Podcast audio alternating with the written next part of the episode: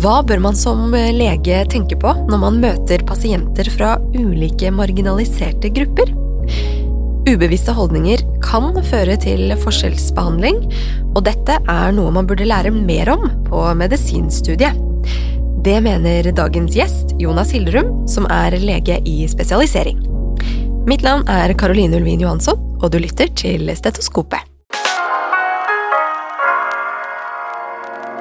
Hjertelig velkommen, Jonas Hildrum. Tusen takk. Kan ikke du begynne med å gi oss en kjapp introduksjon av hvem du er? Jo, eh, veldig hyggelig å bli invitert, da, for det første. Eh, hvem jeg er? Nei, jeg er egentlig blodfersk turnuslege, da, eh, som akkurat er ferdig på sykehuset, og som nå er ute i distriktet. Mm. Ja, Hvor er det du eh, jobber hen?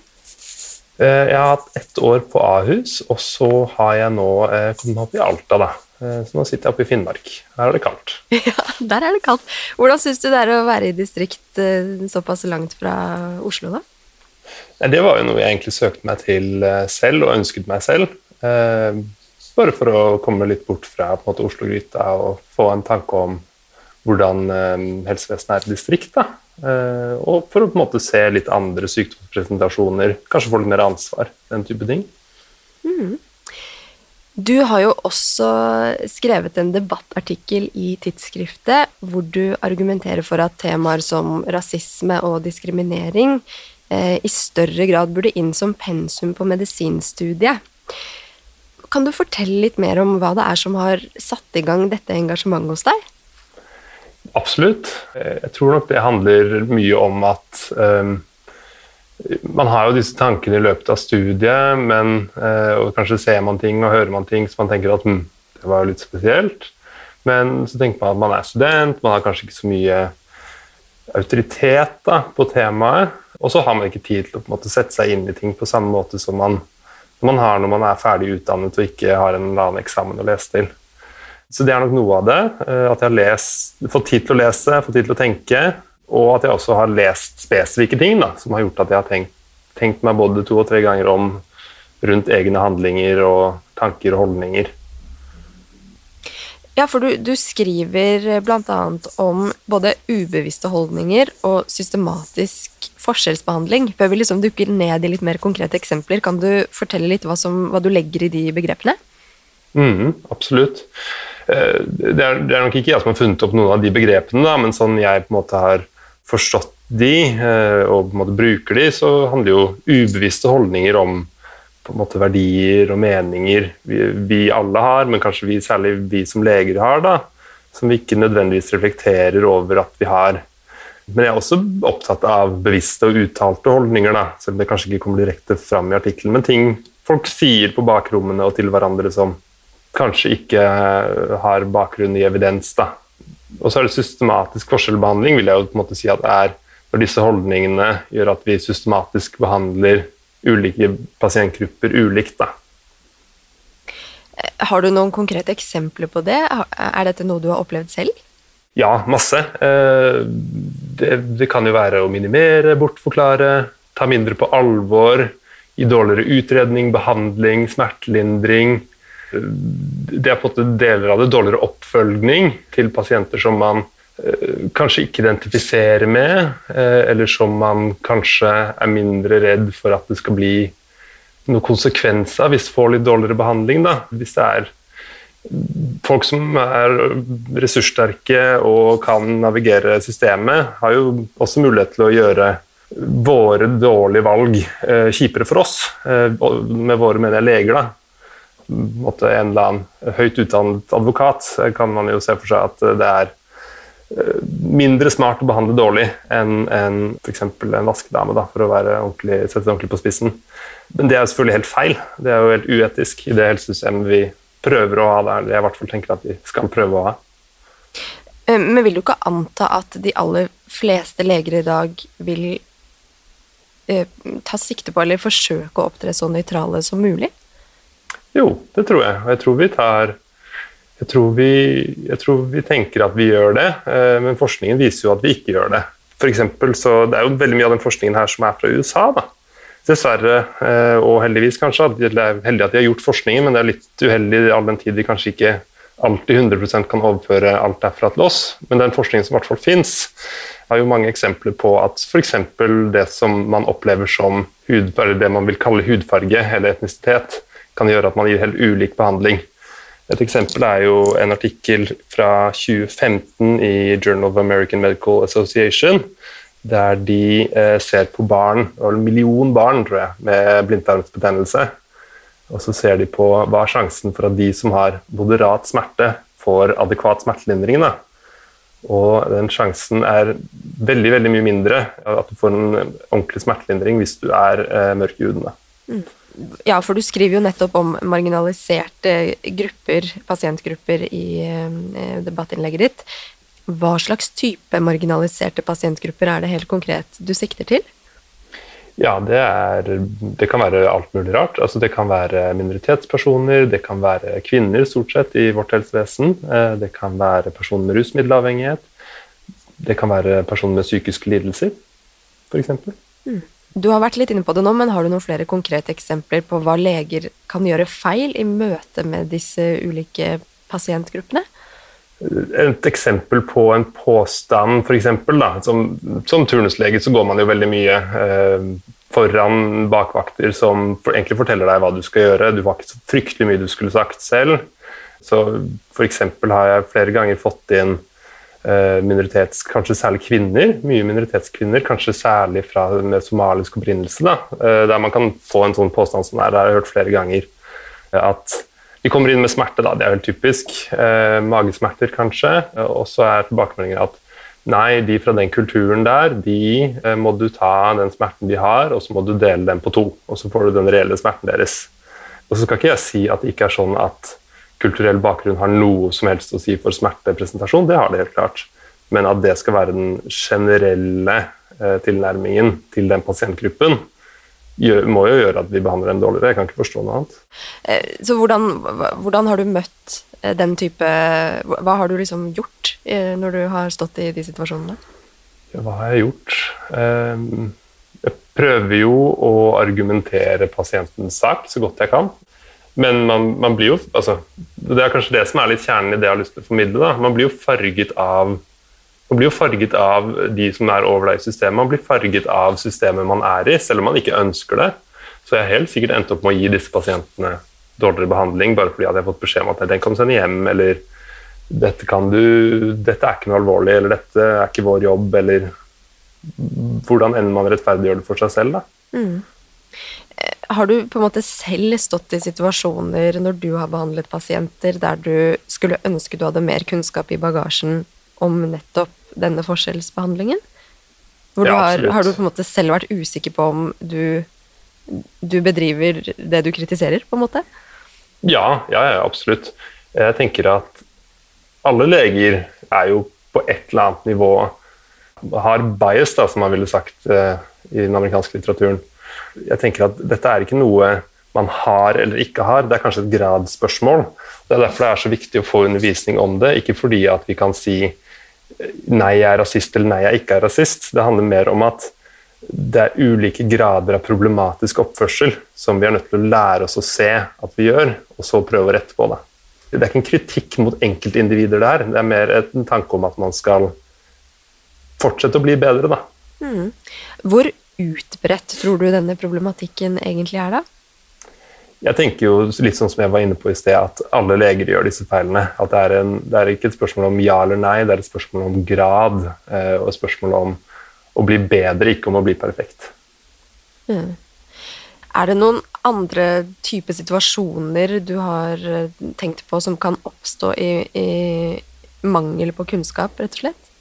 Ja, det er jo, det er jo mange sykdommer som f.eks. knyttes opp mot etnisitet. Da, typiske eksamensspørsmål, eller du ser det i lærebøker, eller eh, hva det skulle være at det er vanligere i de gruppene, eller at, eh, at det er på en måte veldig knyttet til etnisitet. Da. Så viser det seg jo i større og større grad i den litteraturen jeg har lest, hvert at den koblingen mellom etnisitet og sykdom er nok litt mindre eh, sikker enn man kanskje har trodd. Fordi etnisiteten de benytter seg av i studiene, er på det selvrapportert. Genetikk og etnisitet er på en måte ikke så tett knyttet som vi kanskje har trodd. Så det å anta at bare fordi noen har den hudfargen, så er det automatisk sånn at de ja, du vet en masse ting om dem, det er på en måte ikke egentlig noe vi kan belegge med dagens kunnskap. Har du noen gang gjort åpenbare feil i behandlingene av visse pasienter da, som kommer fra en marginalisert gruppe? Jeg, jeg håper jo ikke det. Eh, jeg håper jo ikke det. Eh, men jeg har jo vært delaktig i et system som er og fortsetter å være delaktig i et system som har åpenbare problemer med å følge opp eh, noen av de vanskelig, mest vanskeligstilte pasientene vi har. Det handler jo ikke bare om etnisitet, det handler om kjønn, det handler om man f.eks. har en rusmiddelavhengighet, det handler om den type ting. Og det, og det trenger ikke nødvendigvis å være en uttalt fiendtlighet engang mot de pasientgruppene. Det kan være en mangel av interesse. Det at man f.eks. ikke forsker på ME, det gjør man kanskje mer nå men ikke har forsket på endometriose, har forsket litt på kroniske smerter, eh, neglisjerte tropiske sykdommer. Det er jo ting, vi, ting leger som gruppe er mindre interessert i, og så får det mindre oppmerksomhet. Mm.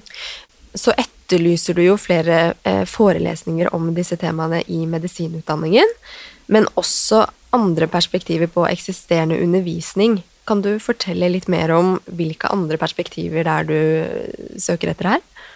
Absolutt. Den settingen i artikkelen min er jo en litt, kanskje en litt kryptisk måte å si eh, at jeg syns ikke at sånn som vi av og til kanskje har hatt på Universitetet i Oslo, at vi har tre forelesninger om et tema, og så er det dekket. Som f.eks. at man Vi kan ikke ha jeg tenker Mitt poeng er at vi kan ikke ha tre forelesninger som sier at rasisme er dårlig på tredje året, og så er vi på en måte ferdig med temaet. Jeg tenker at det er, det er noe som må inn i alle forelesninger. At alle forelesere må tenke hvordan affiserer dette mitt fagfelt? Mm.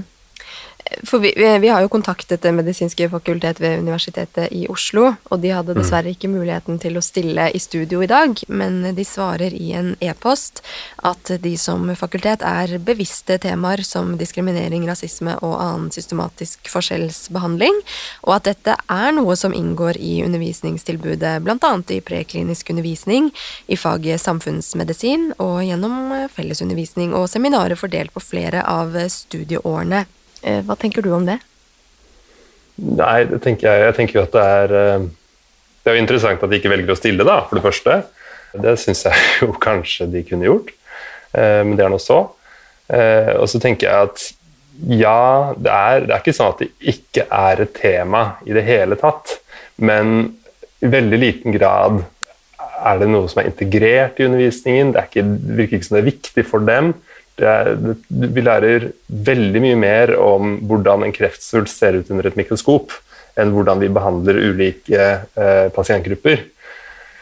Og det tenker jeg at All den tid jeg skal eh, behandle ulike pasientgrupper hele livet, og jeg sannsynligvis aldri skal se et mikroskop igjen, uh, uten at jeg skal si noe annet vondt om patologene, det er bare veldig spesialisert, så tenker jeg at det er en veldig merkelig måte å prioritere på.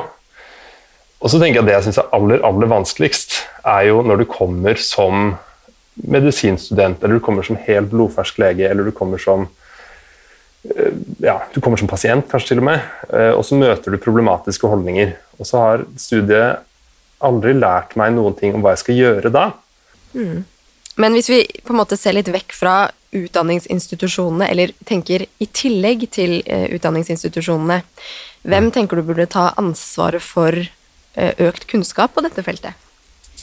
Ja, det tenker jeg jo egentlig er alle i hele systemet. Eh, jeg tenker jo at selvfølgelig har utdanningsinstitusjonene veldig, et veldig stort ansvar for hva de nyutdannede legene kan. og vi kommer aldri til å sitte så lenge på skolebenken igjen. Uansett hvor mange kurs du drar på i spesialitetsutdannelsen, så er det ingenting i forhold til de første seks studieårene. Men når det er sagt, så er jo leger en av de mest eh, ressurssterke gruppene i samfunnet. Vi klarer jo å plukke opp en bok og kanskje av og til sette oss ned og reflektere over egne holdninger. Det får vi jo til. Mm. Det er jo et individuelt ansvar også. Mm. Legene selv? Ja. ja. Hva med arbeidsgiver, f.eks.? da? Ja eh, er, Altså, all den tid arbeidsgiver har ansvar for eh, pasientenes beste, så er nok det også et arbeidsgiveransvar. Det er klart. Det er klart. Eh, men vi er jo jeg skal, jeg skal, ikke si at det ikke er arbeidsgivers ansvar, for det er arbeidsgivers ansvar hva slags utdanning vi får så snart vi er spesialister eller i et spesialiseringsløp. Men vi er også individer som har en lisens vi, der vi har et ansvar for hva slags medisin vi praktiserer. Å legge dette ansvaret på arbeidsgiver selvfølgelig fristende, men vi kommer aldri til å kunne klare å gjøre den type kontroller. Det er vi for mange til, tror jeg. Mm. Jeg tenker jo at når arbeidsgiver allerede har utfordringer med spesialiseringsforløpene sånn som de finnes nå, og folk får ikke dratt på kurs, og folk får ikke tatt uh, gruppe 1-tjeneste og den type ting, så tenker jeg at det er kanskje Det hadde vært veldig flott å kunne forvente, men jeg tror det er urealistisk å forvente at arbeidsgiver skal ta dette ansvaret alene. Mm. Det tror jeg. Men når man eh, som lege da kommer ut i arbeidslivet, sånn som du er nå, mm. og skal møte alle disse type, ulike typer pasientene, er det da i det hele tatt mulig å på en måte gjøre vurderinger som er 100 upåvirket? Altså Er det i det hele tatt mulig å på en måte stille seg helt nøytral og fordomsfri, selv om man tror man gjør det? Nei, det tror jeg ikke er mulig. Eh, jeg tror ikke jeg, tror ikke vi skal tro at det er mulig heller. Eh, jeg tror vi skal, vi skal streve mot å bli bedre eh, og stille krav til hverandre, absolutt. Men innse også at vi alle kommer til å gjøre feil på disse tingene. Vi kommer alle til å si noe uheldig eller være fordomsfulle eller behandle pasienter ulikt, avhengig av måte, om vi kjenner oss igjen i dem eller ikke. Eh, det er ting vi kommer til å gjøre. Det er ikke greit, men jeg kan garantere at vi kommer til å gjøre det likevel. Eh, så det er kanskje det å ha en, en aksept for at det kan komme til å skje, eh, og så da akseptere at man også kan komme til å bli sagt fra til. det. Jeg har helt, helt sikkert sagt, eller jeg har sagt og gjort problematiske ting selv. Eh, og da ved en anledning var det en annen turnuslege som sa fra at hei, du, det syns jeg var litt uheldig. Hvordan opplevde det du det, da?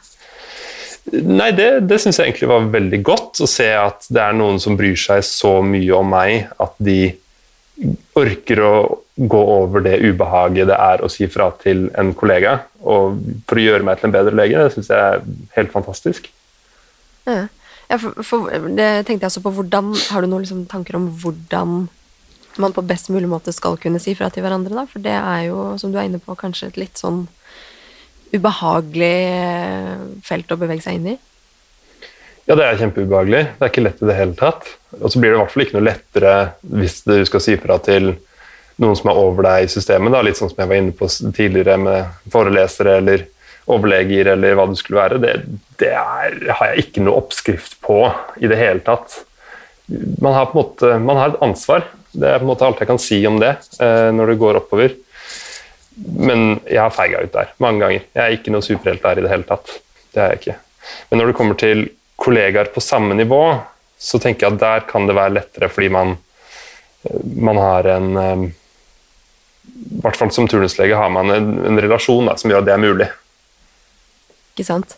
Har dere mange typer marginaliserte pasienter eh, der du jobber nå? Møter du mange av disse pasientene i din arbeidshverdag? Ja, altså i, i, sør så er det jo, eh, og særlig på Ahus, så har vi jo mye forskjellige pasienter med på en måte ulik innvandrerbakgrunn. De kan være somalisk opprinnelse, det kan være andre deler av Afrika eller Midtøsten. er det jo mye av i de bydelene vi har ansvar for i Oslo. Og så er det jo Jeg vil jo på en måte si at innenfor helsevesenet så er egentlig kvinner også marginaliserte. Det er kjempetrist, men det er lite forskning, og de blir tatt lite på alvor, og smerten deres er ikke like viktige for systemet, virker det som. Sånn. Så sånn sett så er det jo mer enn 50 da.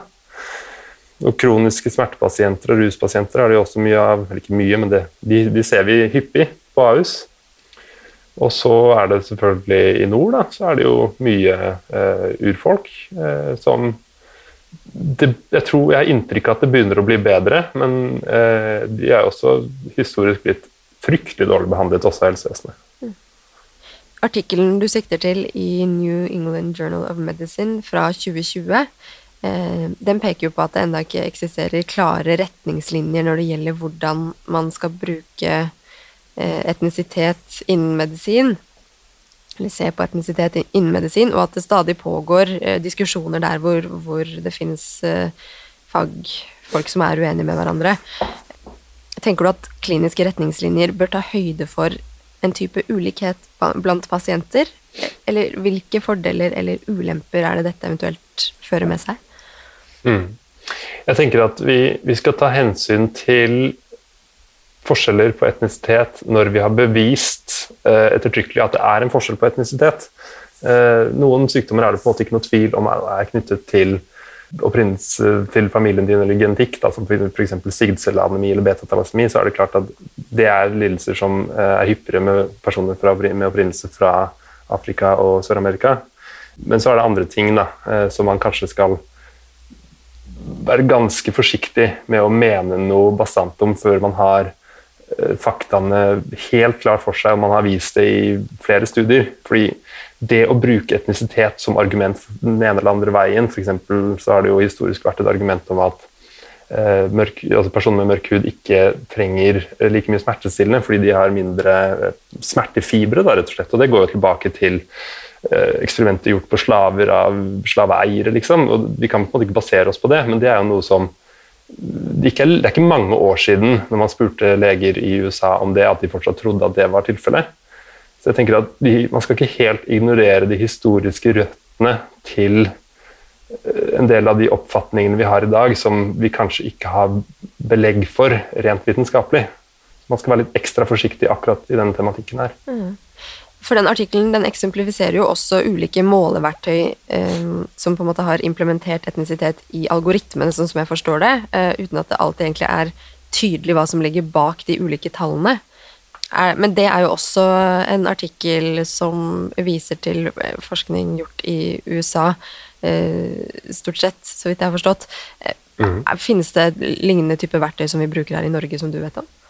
Ja, altså f.eks. CKD-EPI, da, som er den eh, glomerulær filtrasjonsrateformelen eh, de sikter til i den artikkelen, er jo den vi bruker her eh, i Norge. Vi bruker jo CKD-EPI på Ahus, mener jeg i hvert fall. Nå er jeg usikker på hvordan de løser det praktisk med måte, etnisitet. Det kan hende at de har tatt ut det av formelen, det vet jeg ikke.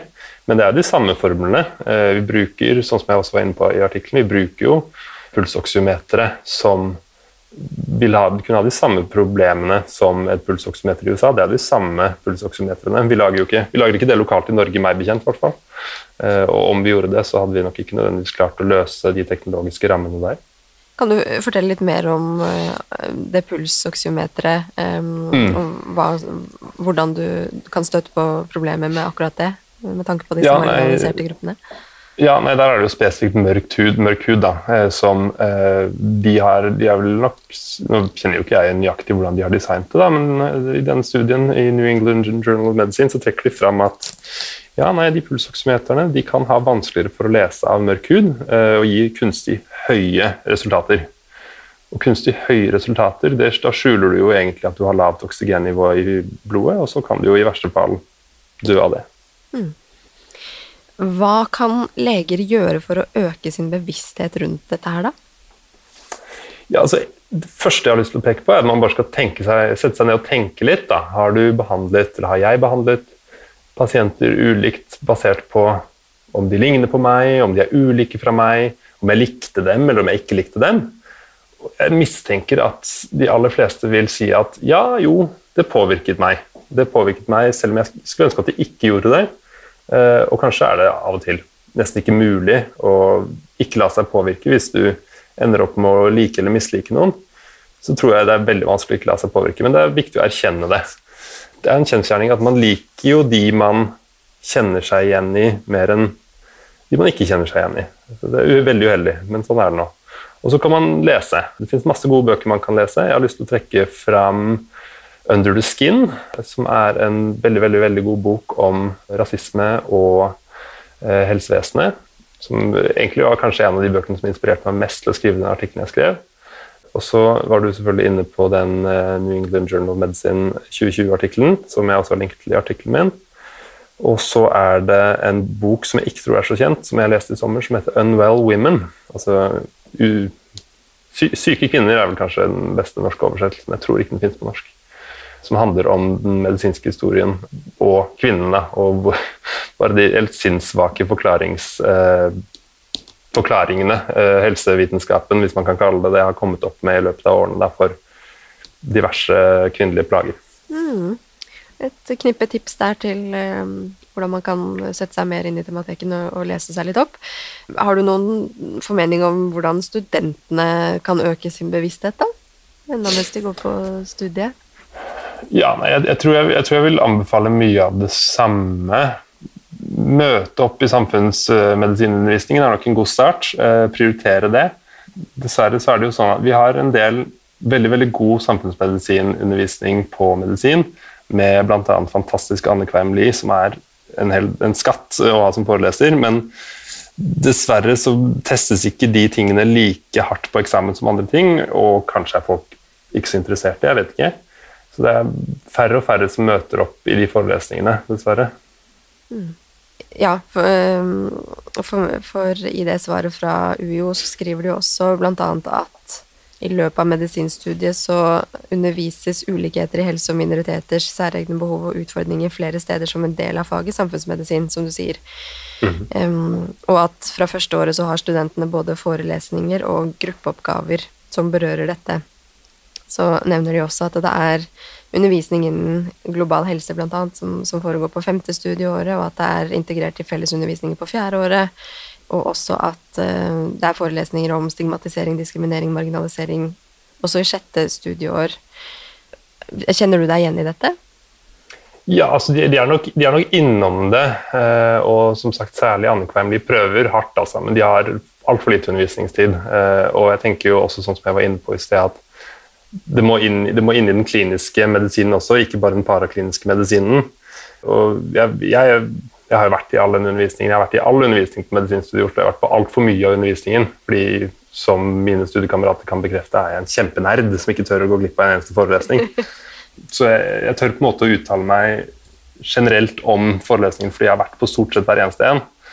Og jeg syns ikke at Ja, har, de har nevnt det, de har helt sikkert nevnt det, men det å lære bort uh, det som egentlig er holdninger og praktiske verktøy i en forelesning, det fungerer jo ikke. Hvordan skulle man lagt opp sånn at man kunne lært om uh, holdninger og praktiske verktøy på en måte som fungerte? da? Nei, Da er det jo mindre grupper. Det er oppgaver, det er tekster man skal skrive, det er uh, klinisk praksis, det er alt som gjør, altså aktiviserer en. Det man jobber med, er helt overbevist om at man lærer mye mer enn om man bare sitter og hører på noe. Uh, og det tror jeg jo til syvende og sist er et pengespørsmål eh, for universitetet jeg har gått på. Men de pengene syns jeg vi skal ta oss råd til. Mm. Det syns jeg vi har et ansvar for. Er det noe du føler for å legge til, som vi ikke har vært inne på? Nei, nå tror jeg jeg har babla ganske uavbrutt i en god stund, så jeg tror jeg har fått sagt det jeg skulle si. Yes. Da sier jeg tusen takk for at du kom til Stetoskopet. Tusen takk for at du fikk være her. Takk for at du lyttet til denne ukens episode av Stetoskopet.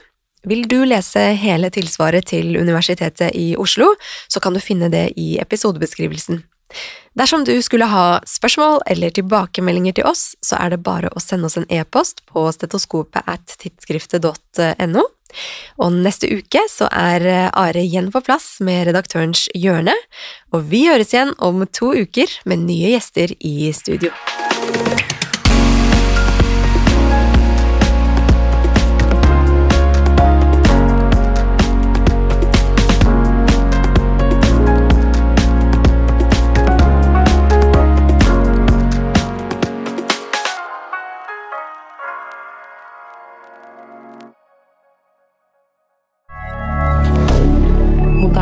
Twitter.